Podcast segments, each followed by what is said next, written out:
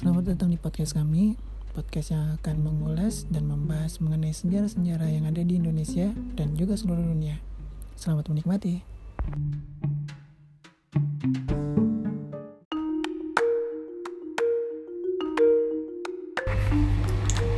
Di suatu daerah di Lubuk Jambi, berdirilah istana megah di atas bukit yang sekelilingnya adalah aliran sungai nan jernih.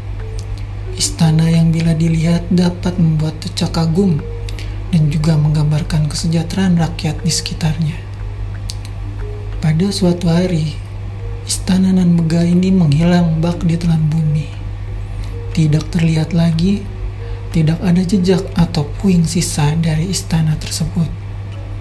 Banyak cerita yang terkait istana ini, dari tertimbun oleh ledakan gunung berapi hingga disembunyikan oleh makhluk halus.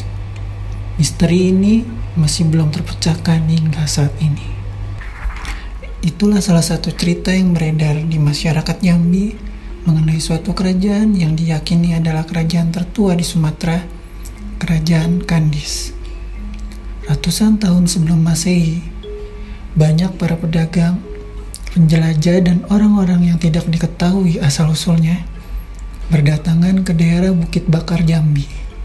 Semakin ramai dan banyaknya pendatang di daerah tersebut, maka diperlukan suatu aturan dalam bermasyarakat agar tidak terjadi hal-hal yang membuat kacau di daerah itu. Dan akhirnya, berdirilah kerajaan yang diberi nama Kerajaan Kandis. Kerajaan Kandis dipimpin oleh Raja Darmaswara. Dalam pemerintahannya, Raja Darmaswara dibantu oleh Pati, Tumenggung, dan Menteri Perdagangan sebagai tokoh sentral dalam kesuksesan Kerajaan Kandis. Saat itu, Raja membangun sebuah istana yang megah sebagai pusat pemerintahan dari kerajaan ini, yang diberi nama Istana Damna. Cerita lain mengenai Istana Damna adalah istana ini tidak dibangun oleh raja, melainkan ditemukan saat pertama kali raja menginjakan kaki di daerah tersebut. Sehingga diberi nama Istana Damna yang artinya istana yang dikutuk.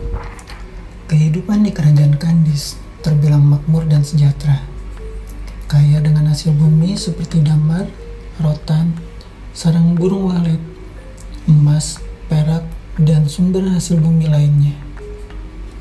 Daerah kerajaan Kandis memang sangat kaya akan emas. Sehingga suatu ketika, Raja Darmaswara memerintahkan untuk membuat tambang emas di kaki Bukit Bakar dan dikenal sebagai tambang titah. Yang berarti tambang emas yang dibuat berdasarkan titah raja. Hasil bumi tersebut biasa diperdagangkan di Semenanjung Malaka oleh Menteri Perdagangan dengan menggunakan ojung atau kapal kayu. Raja dan Maswara memerintah dengan adil dan bijaksana, sehingga kerajaan Kandis makmur dan sejahtera. Saat mencapai puncak kejayaan, banyak terjadi perebutan kekuasaan oleh para bawahan raja yang ingin berkuasa. Karena itu, orang-orang yang terpandang dan mempunyai pengaruh berangsur mulai meninggalkan kerajaan dan tidak banyak juga yang mulai mendirikan kerajaan-kerajaan kecil di sekitar kerajaan Kandis. Dengan adanya kerajaan baru seperti Koto Alang dan Kancil Putih, maka mulai perang perebutan kekuasaan wilayah di daerah itu. Setelah kerajaan Kandis mengalahkan kerajaan Koto Alang, lalu terjadilah penyerangan dari daerah Jambi yang dipimpin oleh Raja Sintong dari Cina Balik. Tersebut mengakibatkan banyak petinggi kerajaan dari kerajaan Kandis terbunuh. Tidak lama berselang, Raja Darmaswara memindahkan pusat kerajaan ke Teluk Kuantan. Pemindahan pusat kerajaan ini disebabkan oleh bencana alam yang sampai kini belum diketahui dan mengakibatkan hilangnya istana Damna. Banyak yang mengatakan istana itu disembunyikan oleh para makhluk gaib dan ada juga yang mengatakan istana tertimbun oleh bencana alam tersebut.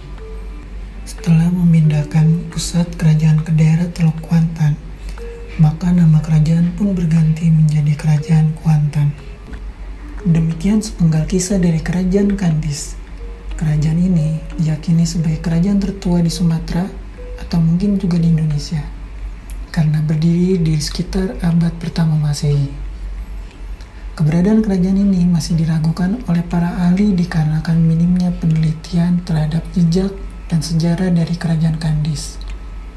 Salah satu bukti adanya kerajaan ini adalah dari kitab Negara Kartagama yang menyebutkan adanya daerah Kandis di dalam kitab tersebut sebagai daerah taklukan dari kerajaan Majapahit. Keberadaan kerajaan ini juga disinyalir dari catatan Cina yang menyebutkan bahwa Cina sudah melakukan perdagangan di sekitar Pulau Sumatera di abad kedua Masehi. Dan juga ditemukan keramik-keramik Cina yang diyakini dari abad kedua Masehi di sekitar Pulau Sumatera. Penemuan Bukit Piramida di lokasi hutan lindung Bukit Batabuah, Kuansing pada tahun 2019 diduga adalah peninggalan dari kerajaan Kandis. Bukit yang ditemukan di dalam hutan lindung ini membentuk seperti piramida. Bukit tersebut pun memiliki bahan batu-batuan yang disusun secara rapi yang sekarang mulai rapuh dan mudah dibongkar. Juga di kaki bukit tersebut mengalir sungai. Belum dapat dipastikan secara ilmiah bahwa bukit tersebut peninggalan kerajaan Kandis atau bukan. Kerajaan Kandis oleh beberapa orang dikaitkan dengan Atlantis, kerajaan yang hilang dari mitologi Yunani kuno, karangan Plato. Adanya kemiripan antara Kandis dan Atlantis ini yang membuat beberapa orang percaya bahwa letak dari Atlantis itu berada di Indonesia. Kemiripan tersebut adalah kemiripan dalam bentuk istana di atas bukit serta dikelilingi sungai mengalir mirip dengan gambaran dari pusat kerajaan Atlantis yang diceritakan Plato. Dan cerita mengenai hilangnya istana Damna mirip dengan hilangnya Atlantis yang tidak ditemukan keberadaannya sampai sekarang. Memang ada beberapa kemiripan, tapi masih belum dapat dipastikan secara ilmiah mengenai kerajaan Kandis adalah Atlantis hingga saat ini. Demikian kisah atau cerita dari kerajaan Kandis, kerajaan yang diyakini sebagai yang tertua di Pulau Sumatera. Semoga keberadaan kerajaan ini dapat dipastikan oleh para sejarawan Indonesia untuk memperkaya wawasan mengenai Nusantara. Tetap ikuti podcast kami, podcast Kamar 75, dan juga jangan lupa follow Instagram dan Twitter kami di podcast Kamar 75 ya.